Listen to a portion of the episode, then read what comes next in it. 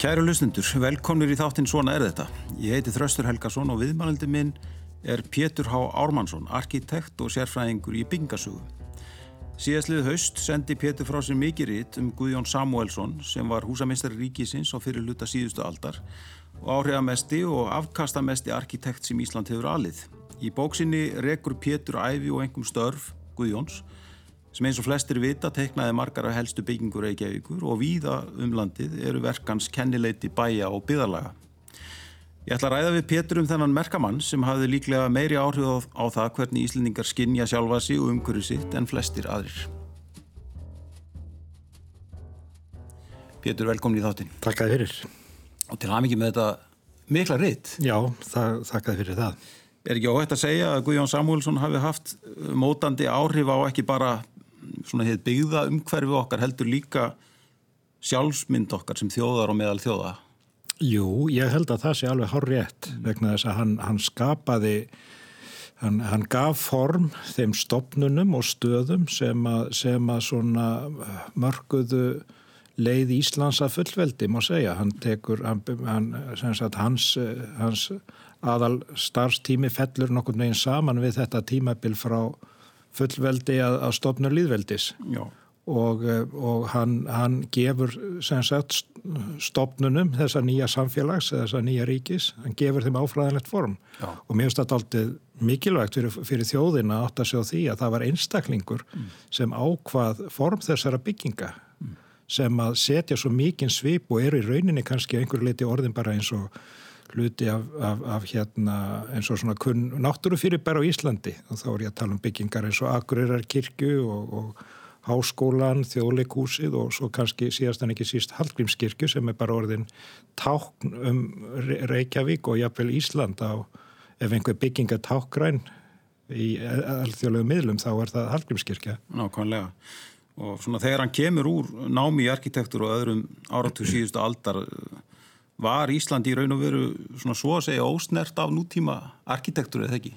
Jú, það múr segja það. Frumhergin var, voru, það voru fyrstu, sko með heimastjórninni koma fyrstu tæknimentuðu mennitir hérna til starfa verkvæðingar og það verður svona vakning í tæknilegum efnum sem fer saman við náttúrulega bara almenna vakningu í samfélaginu og frumhergin í byggingalist eh, hér á landi var náttúrulega Rökkvaldur Ólarsson, arkitekt, Já. en hann sem að nefndur er fyrsti arkitektinn en hann eh, átti mjög stutta starfsæfi, hann var veikur af berglum og hafði ekki þreg til að fylgja sínum ferli eftir sem ella hefði orðið kannski mjög glæsilegur mm. en hann skildi enga síður eftir sig mjög mörg mjög mikilvæg verk og laði svona grunninn og, og svo kemur Guðjón í hans uh, tekur eiginlega við af honum þegar hann fellur frá 1917. Emitt.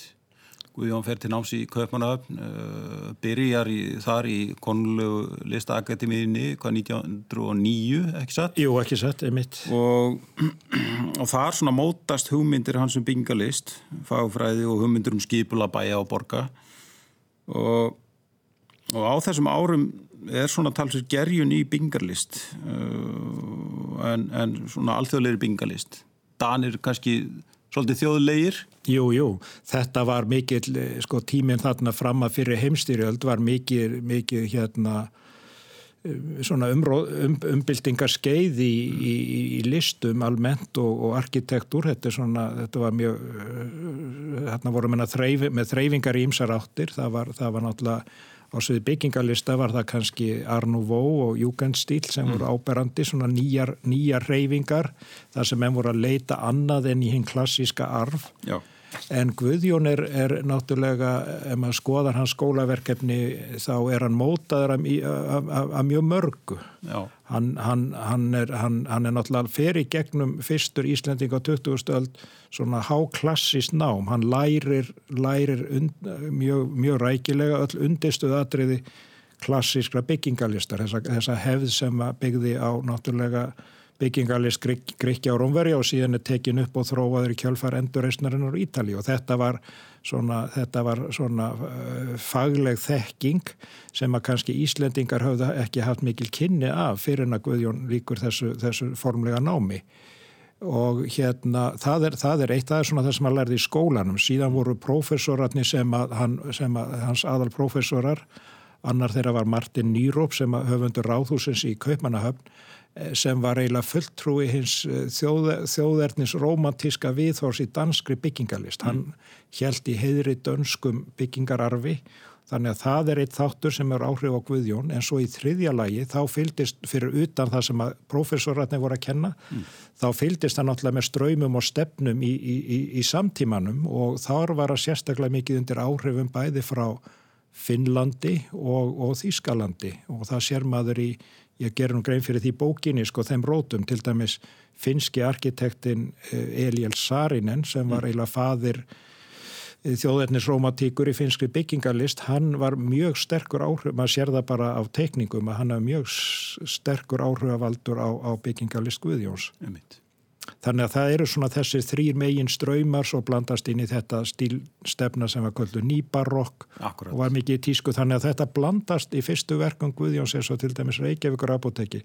Þá blandast þetta allt svona meir og minna saman. Já, einmitt og mm, það er líka uh, hluti af náminu eru, eru skipulagsmál og Já. það eru líka svona, svona ákveðnir ströymar í gangi hérna Garðaborgin og, og áhersla á líðhelsu og annars líkt sem þú reykur í bókinni sem hafa mikil áhrifið mitt á síðan hugmyndir Guðjóns þegar hann fer að tekna skipula hérna heima. Já, já, það er alveg hár rétt og þetta var, þetta var mjög mikilvæg reyfing og ekki síður en, en stílstefnundar í byggingalist, þessi garbæja reyfing sem var í rauninni svar, uh, svar við vandamálum yðnaðaborga 19. aldar, Akkurat. þessi draumur um að, að samina gæði eh, sveitalífs og borgarlífs og, og, og, og um leið einhvern megin eh, fría borgirnar við þessi við þessi, þessa, þessa hérna, við mengun og, og, og of mikið þéttbíli mm. og hann, hann, þetta, er, þetta, er, þetta er það nýjasta og besta í fræðunum á þessum tíma og hann, hann, skrifar grein árið 1912 þar sem hann í rauninni kynir þessi sjónami til söguna fyrstu manna hér á landi. Akkurat.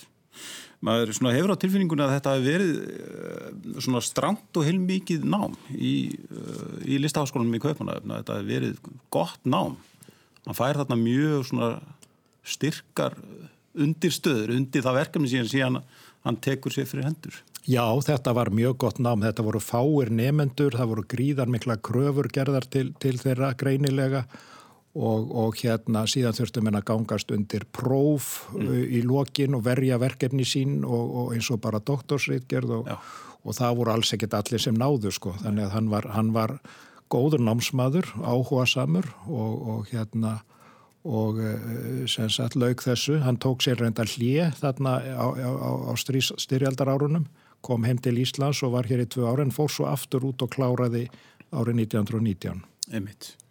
En hann er náttúrulega eh, sko greinlega líka miklum hæfileikum getur, hva, hva, hvernig myndur lýsa þeim svona þegar hann...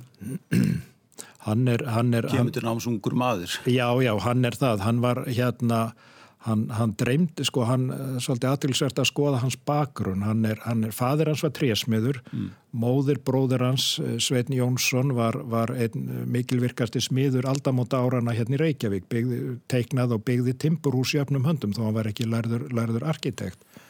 Og en, en hann elst, hann eiginlega á sín bernsku ár og eirabakka þar sem er náttúrulega mikið, mikið, mikið menningarlíf og, og, og, og svona lista áhugi miða við svona staði á þeim tíma út á landi fyrir, fyrir góður barnaskólu, hann fær tækifæri til að læra, læra hljóðfæri á Eirabakka, mm. dreymir um að verða myndtökvari en foreldrum hans fannst það nú ekki vera mikið framtíði því en, en, en af því að fadur hans var nú húsasmiður þá láð þetta nú eiginlega bara beint við að hann fyndi sínum áhuga, listræn áhuga farveg í, mm. í byggingalist. Já. Ef við svona skoðum uh, aðeins fyrstu byggingar uh, sem Guðjón teknar svo til dæmis bara fyrstu svona dröga albyggingu á Háskólu Ísland sem, a, sem að verða til á námsárunum mm. og svo kannski einmitt þetta stórísi Nathan Sols eins og þú nefndir aðan Reykjavíkur apotekið sem reist þarna 1916 og 17 hvað hva einkennir þessar byggingar hvað hérna nýmæli kannski fólust í þeim fyrir íslenska byggingalist Já, sko hérna háskólatillagan sem er nú skólaverkefni frá 1915 mm. hún er náttúrulega bara, hún er svona mjög hrein e, 19. aldar nýklassík, sko, hún er alveg gerð undir klassískum áhrifum mm. Meira að segja með, með, með skreiti og öðru sem tilherir e, Reykjavíkur apotek eða, eða Nathan Olsens húsi, það er aftur meira í átt við þessa nýju ströyma sem hann var að kynna sér svona til hlýðar við skólan hann tala sjálfur um að húsi sé í miðaldastíl og það, er, það, það sér maður kannski best í turninum og, og því að, að svona ymsu að ymsuleiti samsvara þetta hús er við, við, við hérna þessar framsæknu stefnur eins og, eins og, eins og finsku arkitektarnir Sarinen, það er öllítið júkenstíl í því en líka Já. þetta að líta aftur til svona miðalda á Norðurlöndum, svona þungla, massívar þunglamalega byggingar en það sem var ólíkt með hér á landi var náttúrulega það að hann, það var að hér byggðum en úr steinsteipu Já. sem var þá nýkomið til sögunar og hann kemur til landsins ákvörat e, sko þegar hann, þegar hann byrjar að teikna þetta hús þá er Reykjavíkubrunni mikli nýja af staðin og það var í rauninni algjör hérna óvisa um framtíð Reykjavíkur e, dýrustu eignir, fastegnir bæjarins hafðu föðrað upp Þarna voru þessar dýru lóðir, það var ekkert skipulag til fyrir bæin mm. og vissi raunin engin hvert hann að stefna og þá ekkert með kemur Guðjón inn í okkurat á réttum tíu augnabliki inn í þetta tómarum með sína fagþekkingu og með sína sko ekki bara í húsagerð heldur líka skipalagsvöksun. Mm. Þannig að hann byrja strax, hann, törnin á, á, á, á Östursætti 16 Já. er hugsaður sem svona kennileiti sem varðar leiðina inn í landið. Mm. Hann byrja strax að velta fyrir sig hvernig einstaka byggingar geta orðið svona... E, orðið svona hluti af stærri listrætni heild og, og þessi hugsun um að borgin geti orðið heilstift listaverk. Það er eitthvað sem að kemur, það er eitthvað alveg nýtt sem Guðjón kemur með inn í íslenska menningu. Ég mitt. Uh, svo, svo við förum aðeins lengra inn á þriðja áratvíin og, og svona uh, eru það þá svona, uh, svona nýklassísk áhrif sem að þar koma fram eða, eða sem eru líka svona kannski alþjóðlegu ströymur sem að Já, það verður, það verður breyting á, á, á styrjaldar árunum í norrætni byggingalist að mm. þá, þá, þá þessi, þessi romantík aldamóta árana, hún víkur fyrir svona, svona köldum, öguðum, klassiskum stíl sem er svona sem var svona, svona skref í áttina í, að, að því sem síðan var mótenismi. Þannig að menn voru einfalda byggingarnar leita að að, að einföldum, uh, skinsamlegum lausnum, reynum formum en, en byggðu það mjög mikið á frjálsleiri tólkun á, á, á nýklassík og horfðu þá til dæmis á öfund frúarkirkjunar í Kaupmannhams F. Hansen sem hafði verið eh,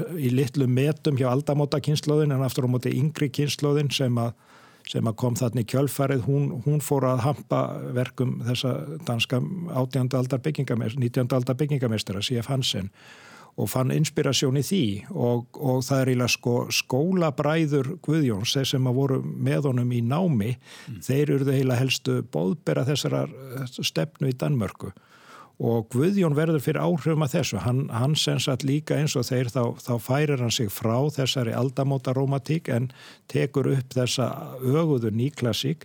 En hann, hann gengur samt ekki alla leið. Til dæmis sko sá sem kom næstur í kjölfar Guðjóns hér á landi Sigur Guðmundsson arkitekt, hann var líka við námi í Danmörku á þessum tíma.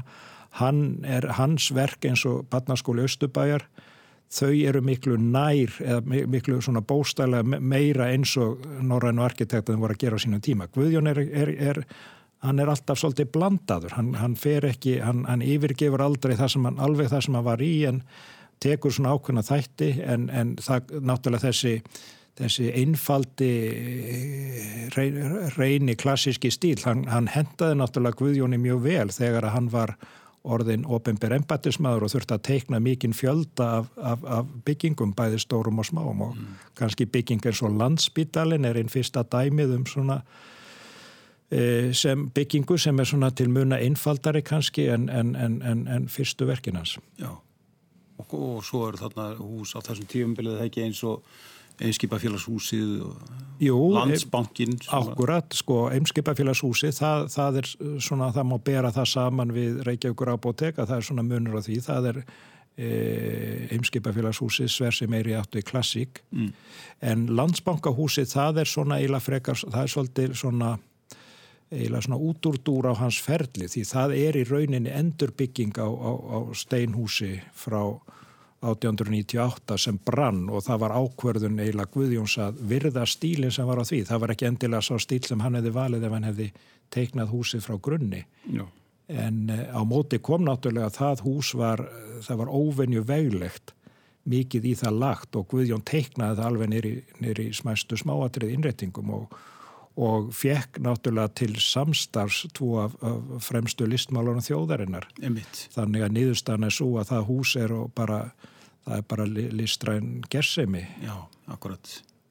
Sko, eins og nefndir mótenismin, svona þessi alþjóðlegi hinn alþjóðlegi mótinismi uh, kemur til sögunar hérna á þriðja áratögnum, Báháskólin er starfandi á þriðja áratögnum og funksjonalismin og þessi fagfræði beinu línar og, og svona þessar reynu forma Já.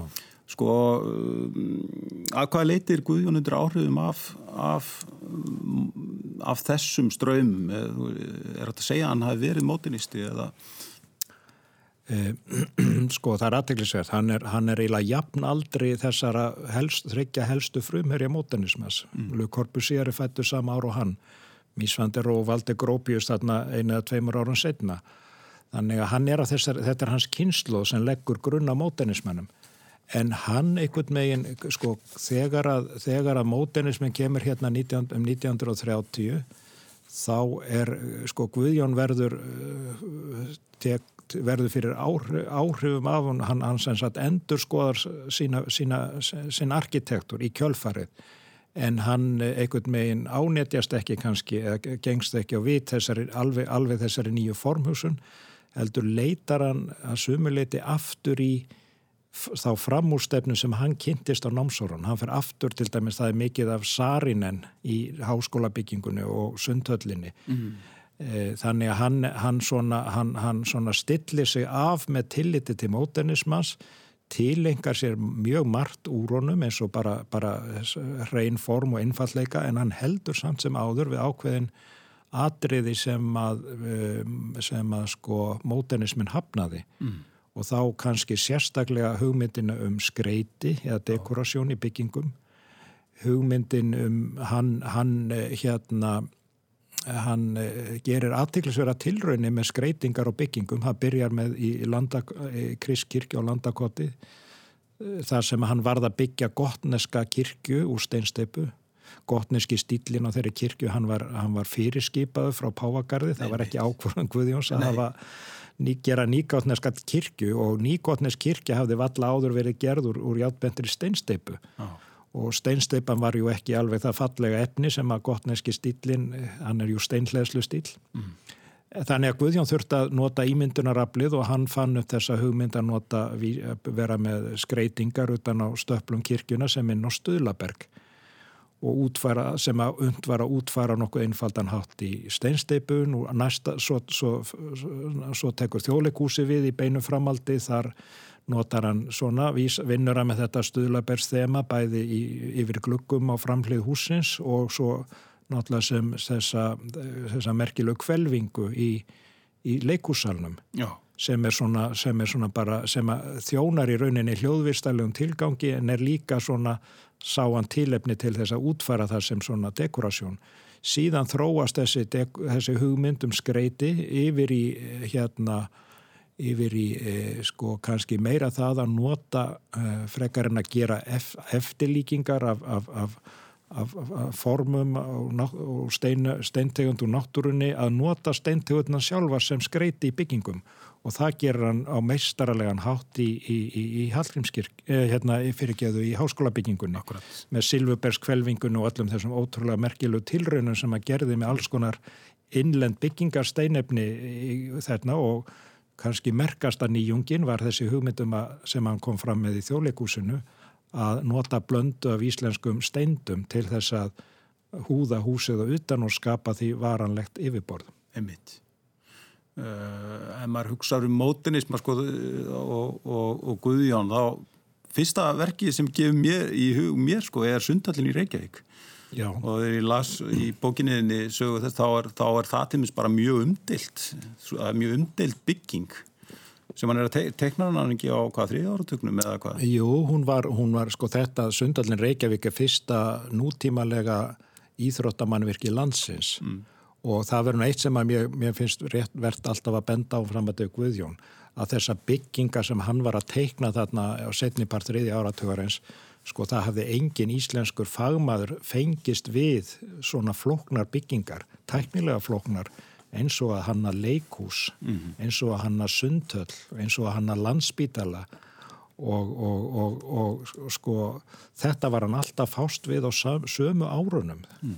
og það er, og síðan var náttúrulega, síðan var hann að vinna að ótalsmæri verkefnum út um allt land sem hann bara ábyrð á sem empatismadur uh, og svo í hjáverkum var hann að skipulegja allar bæi landsins. Já, já. ég bara, maður skilur ekki hvernig einn maður gæti komist yfir þetta já.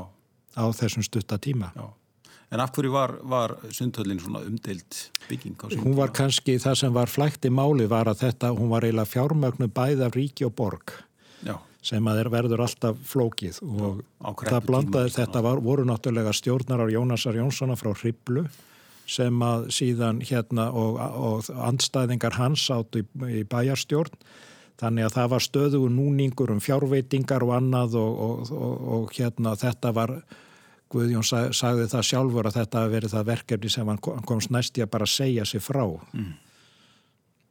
Emmitt en uh, eins og þú svo sem hefur nefnt sko að, að þá er uh, Guðjón svona eiginlega allan sinn feril að, að vinna með Uh, já, eiginlega sögulegan arf bingalistar það er svona uh, nefnum hérna gott, sko gottnesku uh, stílin í, í landakóðskirkji sem er reyndar fyrir skipaður eins og mm. bendir á, bara bentur á páagarði mm. og, og sko hann er hann er svona sífælt að vísa til aftur í, í tímanu ekki Hann, hann kann söguna og, og getur, getur gripið til hennar þegar hann þarf á henni að halda. Mm. Það má ég kannski orða þannig. Hann hafði alveg þekkingun og hann gat, gat, en hann var kannski ekki sko, hann var ekki það sem maður segir eklektikismi, hann var ekki, hann var ekki sem sagt í þessum sögustíl 19. aldar þar sem við vorum bóstæðilega að velja sko, byggingunum stíl eftir viðfánsefni. Mm. Hann gerir, hann, en hann er, hann er, hann alltaf en hann gætt beitt þessu og, og til dæmis í kirkjubyggingunum þá heldur hann sem nokkuð ákveð við þetta hefðbundna langkirkjuform. Hann gerir ekki róttakar breytingar sko á kirkjuforminu sem slíku en þótt hann þrói það sko í, í, í útfæslu. Mm.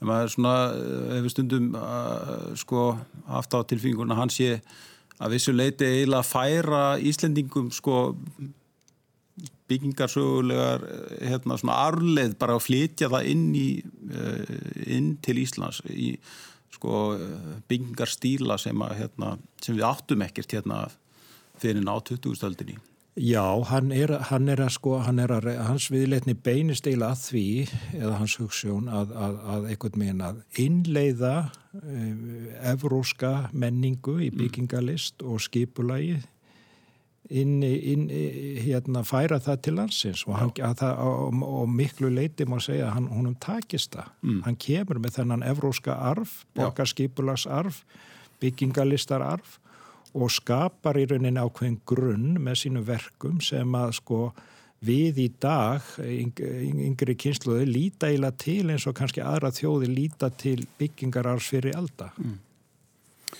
En svo er hann auðvitað líka alltaf að vinna með svona þjóðlegan arf e, í sinni bingalist, ekki satt, e, svona hérna í íslensku þjóðmenningu. Jú, hann er að, það, einhvern veginn, það, það var, það var, það var jafnframt verkefni eða viðfánsefni hans að reyna sko að jafnframt því að innlega þessar erlendu, erlendu hugmyndir að aðlaga þær einhvern veginn, að gera þær einhvern veginn sér, sér útfæra þær og svona með ákveðni vísan í íslenskt umhverf og íslenskar aðstæður. Mm og, og það tekur á sig margar myndir, það tekur á sig þá hug, hugmyndin um að endurvekja hérna, byggingarlag uh, burstabæjana í sveitun landsins Einmitt. og vinna með torf og annað uh, og burstalag sem að var reyndar svona kannski uh, það má líka segja sko þessi hugmynd um, að, að, að, um, um sérþjóli engin í byggingalist, hún er líka erlend, hún er líka eitthvað sem hann kemur með til landsins sem hlut af sinni mentun sem arkitekt að þetta sé og það á sér alveg hlýðstæður í öðrum verkum sem að, sem hans kynslo, margir arkitektar hans kynslo voru, voru að vinna með eitthvað svona eins og til dæmis Art Deco skreitistílinn í, í Frakland og Ameríku þar sem hefur voru svona gjarnan að, að taka upp einhver þemu eða vísanir í, í í stað og menningu á hverjum stað í, skreiti, sérstaklega þá skreitilist á einstakku byggingum. Mm. Einmitt. Eh, mér finnst svolítið forðunlegt að bera saman eh, Hallgrímskirkju í Reykjavík mm. og svo Akureyrakirkju. Hvernig myndur þú bera saman þessar kirkjur? Þetta eru mjög ólíkar kirkjur ekki satt, svona frá bingalistalögu sjónamiði. Jú, þar eru það og það er alltaf merkilegt að, að sko teikningin á Akurarkirkju hún er nokkrum árum eldri Já. en teikningin á Hallgrímskirkju mm. Eh, Hallgrímskirkja er nær eh, svo teikningstilega sem valin var, hún er svona nærði að vera það meiri bein gotík í henni heldur en Akurarkirkju Akurarkirkja er ákveðin hápunktur á hans ferli ásand háskóla byggingunni, hún er við 1940 og En, en það sem að þessar báðar þessar kirkjur eiga sammert er að hann er þessi sín Guðjóns um það að kirkjubyggingin ætti að vera svona áberandi kennileiti mm. í, uh, í bæjarmynd, borgarmynd og í rauninni í íslenskun sjávarbæjum þá að kirkjan væri þá svona eins og viti að leiðarljó sem að tækja mótið manna hafi, höfum það í huga flestir komið til Reykjavík og Akureyra á þessum tíma á, á, á skipsfjöl og, og kirkjurnar átt að opna faðmsinn. Eh, hann snýri til dæmis kirkjubyggingum ekki eftir, eftir höfuðáttum, heldur, heldur eftir skipulagi og staðáttum. Elmitt. Og þess vegna snúa bæði Hallgrímskirkja og Kriskirkja turnum sínum og dýrum á móti höfninni í Reykjavík. Eða, eða svo að segja. Já og, og, jafnframt er náttúrulega bæði sko Akureyrakirkja er, er snildarverk í skipalarslegu tilliti því hún tengir saman nýju hverfin upp á brekku og gamla bæin fyrir neðan brekku Já. með kirkjutröppunum sem var líka hans hugmynd mm. og Hallgrímskirkja er þetta sko ég er með þá kenningu að Guðjón hafi ákveðið hæð törnsins út frá lengt skólafurustíks Já.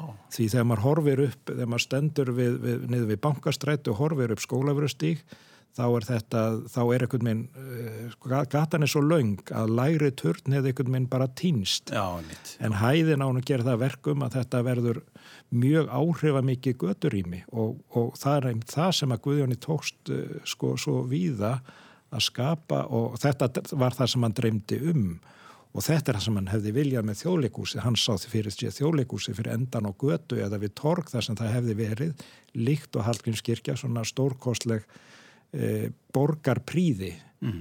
sem það varð ekki í þeim mæli sem hann dreymdi um. Já, einmitt.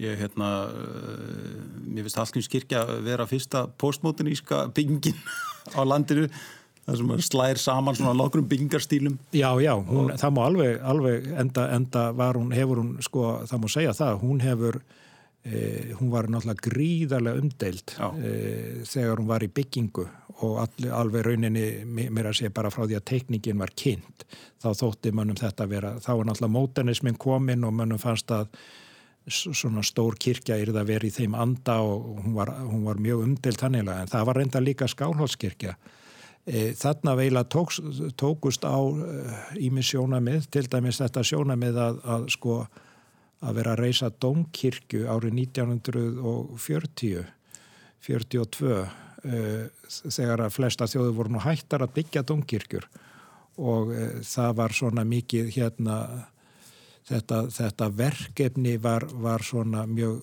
mjög sko það var mikið þungi á baki, hálfu kirkjunar og baki, það var mikla tilfinningar og, og þjóðlegur metnaður á baki að þetta yrði, yrði sko höfu kirkja landsins og þyrta að sanna sig. Það var alltaf svolítið svona í bakgrunninum að á þessum tíma að Íslendingar þyrta að sanna sig sem menningarþjóða. Hún væri komin með þjóðmeðal þjóða, hún ætti byggingalist og menningu og stopnanir og þetta blandast náttúrulega mjög mikið inn í, inn í öll verk Guðjóns.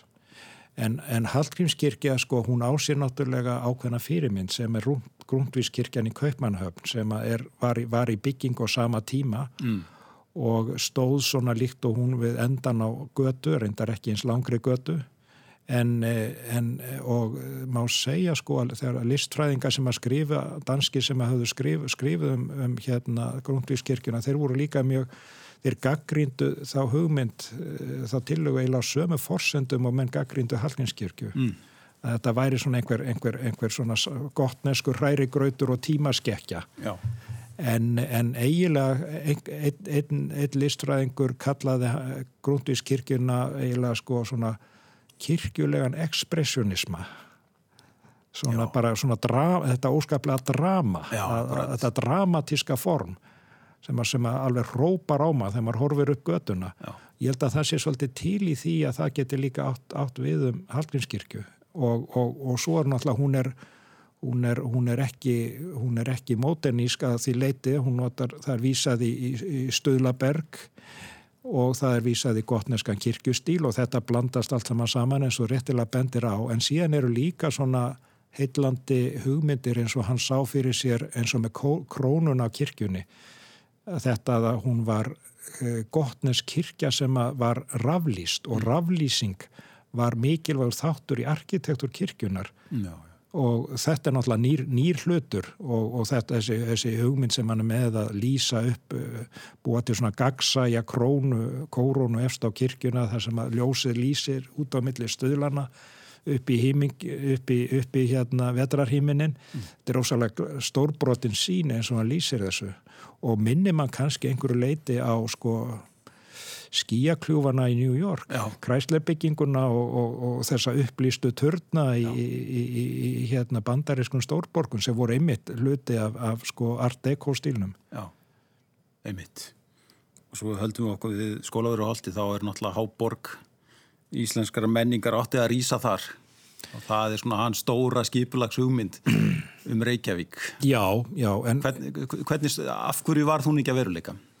E, hún, þetta var sko kannski fyrsta nefna að hún er náttúrulega hluti að vinnu e, við heildaskipala, fyrsta heildaskipala Reykjavíkur, mm. þar sem Guðjón var svona hinn hin, hin listræni stjórnandi og það þurfti að koma en sáu það fyrir sér að það þurfti að koma fyrir, það þurfti að skapa einhvers konar svigrum fyrir nýjar, þar nýju stopnani sem höfustæðurinn þurfti mm. og menn söpnuðu þeim svona hugmynd Guðjóns var að sapna þeim saman og hæstast að bæjarins og, og, og mynda þar svona ákveðna heild, háskóla, kirkju uh, sapna, og sapnabyggingar. Það sem var þeila háborginni, uh, sko háborginni eila hún eiginlega strandað á því að eh, bæjar yfirvöldi Reykjavík töldu ekki nægilegt eh, landrými þar fyrir framtíðar vöxt háskóla. Mm. Háskólalóðin sem þar var mörguð, hún var mjög þraung og, og bærin vildi ekki sjá af meira landrými undir háskólasvæði á þessum stað, þarna í brekkunni niður af í áttast Norrabraut. Emitt og eh, í, til, a, til að leysa það, þann vanda þá kom borgarstjóri Knúð Simsen með það útspila byggja frekar háskólan út á melum á núverandi stað þar sem hann hefði nægt landrými til ókomna tíð mm. og, og hérna það má segja þar með hafi dampurinn farið úr þessari háborgar hugmynd en hún ekkert meginn en kannski einhvern veginn færðist hún yfir í það að vera svona marg nokkra byggingar í kringum tork, yfir í það að verða þessi yfirgengilega stóra og mikla kirkja sem að þarna, þarna reysa á, á sjálfu holdinu en Guðjón reyndi nú samt sem áður í, til dæmis í hönnun sinni á Gagfræðaskóla Östubæjar sem að þarna reys fyrir neðan. Hann, var, hann, hann sá nú alltaf fyrir sér eitthvað svona torm um, um, umgerð en, en, en hann lifði náttúrulega ekki til þess að klára þá sín Nei mitt Eitt af því sem slær mann við lestur bókarinnar er hversu gríðarlega afkastamikill Guðjón var. Uh, það er eiginlega, það er eiginlega með ólíkindum og, og hérna hann hefur verið óvenjulega vinnusamr. Já, hann, hann bara, hel, þetta er maður sem helgaði sér starfinu algjörlega, hann, hann, hann hérna gaf, gaf sér því á vald og, og hérna gaf, gaf allt í þetta starf, hann var ekki fjölskyldumadur, mm. hann var með, með hérna, eh, bjó alltaf einni, var með ráðskonu Já. Hann kvænist þarna? Já, gefið stuttan tíma. Stuttan tíma, já. En sko hann, sko fram, fyrstu, kannski fyrstu árin eftir hann teku við ennbætti árið 1920, svona fram til 1925, þá er nú ekkert mikið byggt á landin á ofinbjörnum byggingum og þá getur hann ennbætt sér að hann til dæmis leggur sig teiknar sjálfur með eigin hendi alla teikningar af fyrstu teikningar að landsbytarn, leggur mikla alúð í það, notar vassliti og gerir glæsilega teikningar. Já. En eftir 1925 þá aukast umsveifin hjá ennbættinu og þá fær hann þessi stóru og floknu verkefni, kræfjandi verkefni sem kolluð á það að hann þurfti að fara í tíðar skoðunaferði til útlanda, að kynna sér því að Já. til dæmis það var vissi engin á Íslandi hvernig þetta að hanna eða skipulegja leikús mm. eða sundhöll eða, eða nútímalegt hótel eins og Hótel Borg. Hann var að fara tvær, þrjár utalansferðir til, til, til Norðurlandana til að kynna sér það nýjasta í þessum byggingum. Já. Þannig hann lagði mikið á sig fyrir starfið. Hann var, var náttúrulega með góða aðstóðamenn. Hann var með Einar Erlendsson, húsamestari, var með samstagsmaður hans alla tíð og var geysilega vinnusamur maður og hjálpaði, var í rauninni staðgengilt Guðjóns, mm. teiknaði margar smarri byggingar sem eru í nafni þeirra begja.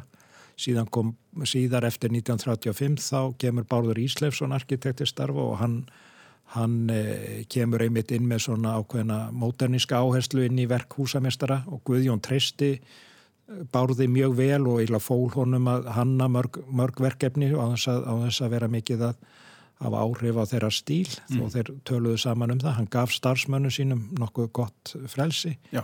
en hann var náttúrulega alltaf einn bættismæður sem bara ábyrða á þessu en undir lokin svona hann var snemma, misti snemma hilsuna uh, og síðustu tíu árin þá var hann að glýma við mikil veikindi en og á þeim tíma þá einbeitt hann sér meir og minna að svona þessum allra stæstu verkefnum en létt starfsmenn einbættisins svona með, með ákveðin umsjón náttúrulega um, um aðal, aðal teiknivinnuna. Mm. Hver eru svona merkustu verk uh, Guðjóns að þínum aði? Ég held að ég verði nú að segja sko, sko þjóðleikúsið, háskólabyggingin, Akureyra kirkja og svo er ég mjög, mér þykir mjög vendur lauganiskirkju. Já. Þetta er allt byggingar sko, þar sem að, þá er ég, þetta er allt byggingar sko þegar hans eh, enkenni eru svona full mótu þetta er, auðvitað eru marga byggingarna frá fyrstu starfsánum hans mjög fallegar og, og, og mann er þykki við vandu þar en, en þarna var hann kannski í þessum verkum var hann búin að einhvern veginn, þetta er svona hápunkturna hans, hans byggingalist Já. Hefur hann uh, haft mikil áhrif síðan á uh, á arkitekta setni tíma hér á Íslandi?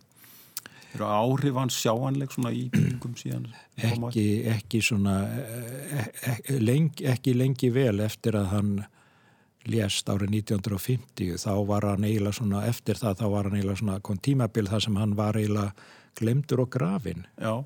eldri arkitektar hafa sagt mér það það, það var eiginlega bara aldrei á sjötta og sjönda áratögnu þá, þá var eiginlega aldrei minnst á hann Já, og þá var náttúrulega móternismin eh, eftir styrst árana eða nýjasta nýtt og mannum, það voru þá stóðu náttúrulega mikla deilur um Hallgrímskirkju byggingu hennar mannum þóttum vera tímaskekkja og það leitt engin á hana sem merkilegan arkitektur. Mm.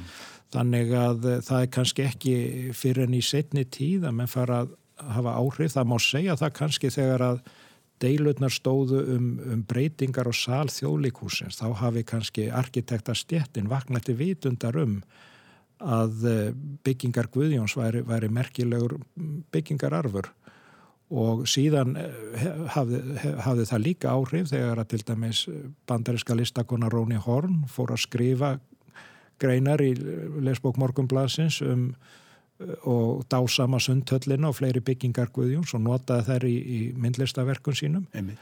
Þannig að þetta er svona í kringum 1990 þannig að þá kannski fer viðhorfuna breytast og ég held að kynsluarkitekt í dag hún er miklu opnari fyrir mörgu af því sem Guðjón var að gera til dæmis í skipulashugsun maður sér Stuðlaberg er notað í, í, í nýjum, nýjum arkitektur í dag svona hefur maður séð og, og hérna líka líka hérna burstaformi þannig að það er svona hann er, hann, ég held hann sko eh, tíminn hefur unnið með Guðjóni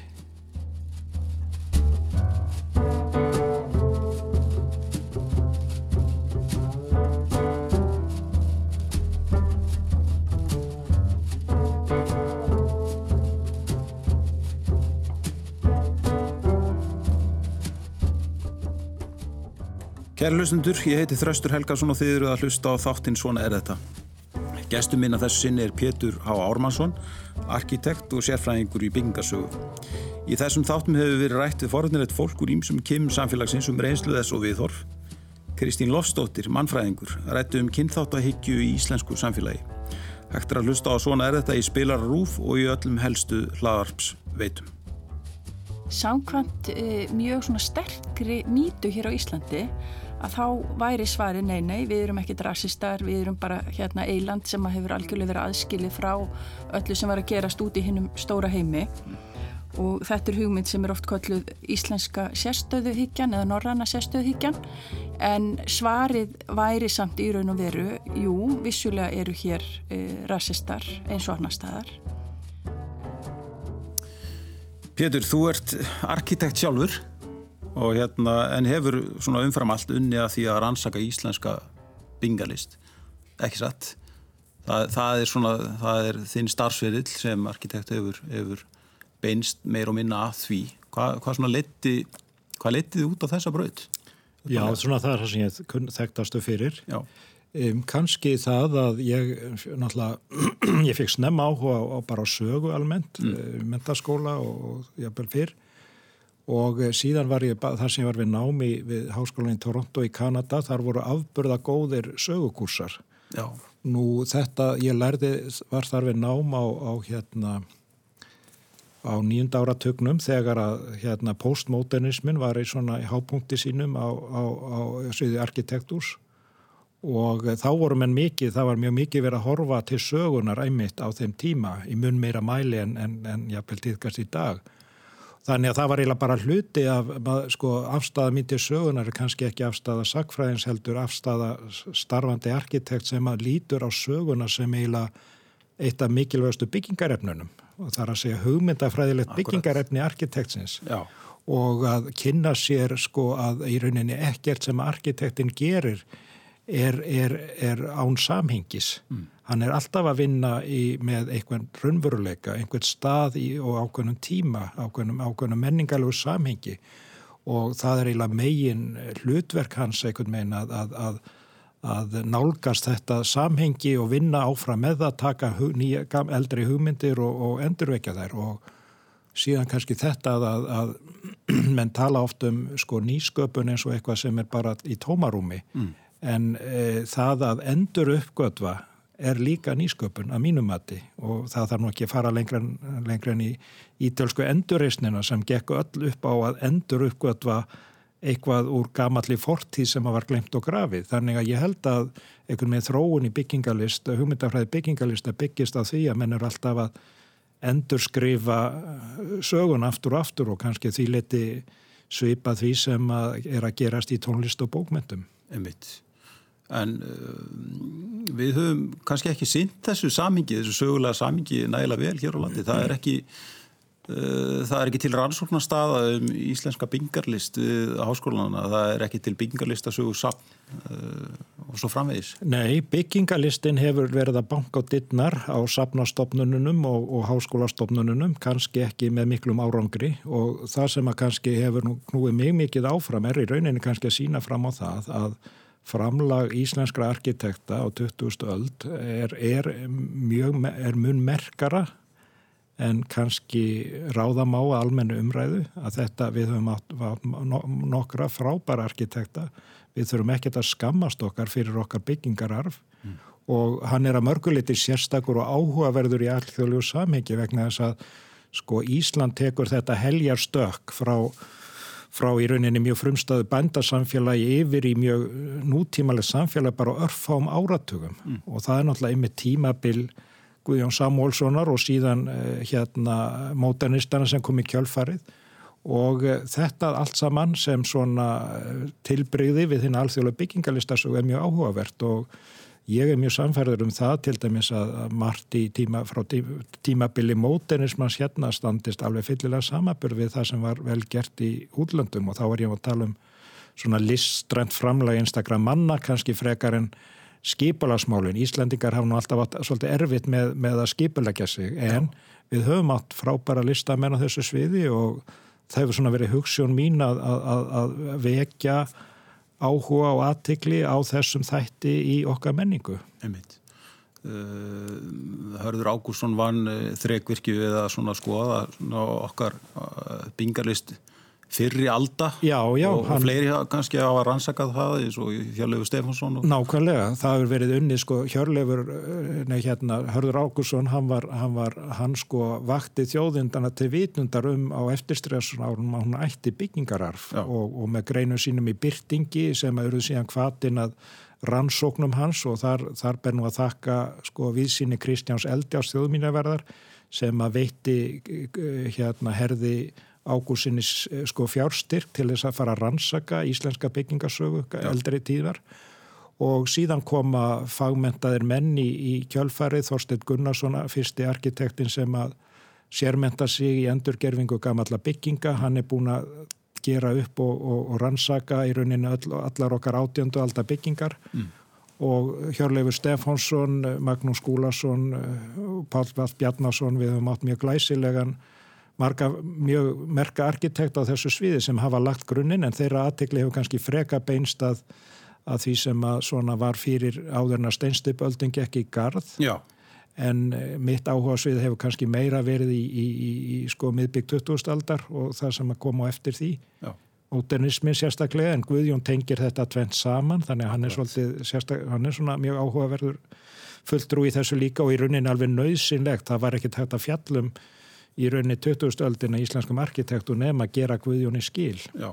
hann er það mikil stærð í þessu samhengi Já.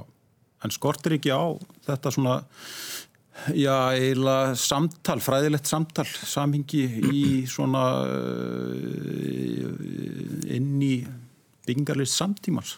Jú, það gerir það. Hún líður kannski fyrir það að við höfum ekki synt þessum sögulega þætti meira og umræðinu og um bara miðlun á arkitektur sem listgrein. Okkur mm. vantar það að, að, að arkitekturinn eigi sér samastað í íslenskum söpnum, íslenskum listasöpnum Ég var nú um skeiði, um tíara skeiði við listasab Reykjavíkur með byggingalistadeild og þar gerðu við síningar sem nutu mikill að vinsælda og mæltust vel fyrir Já.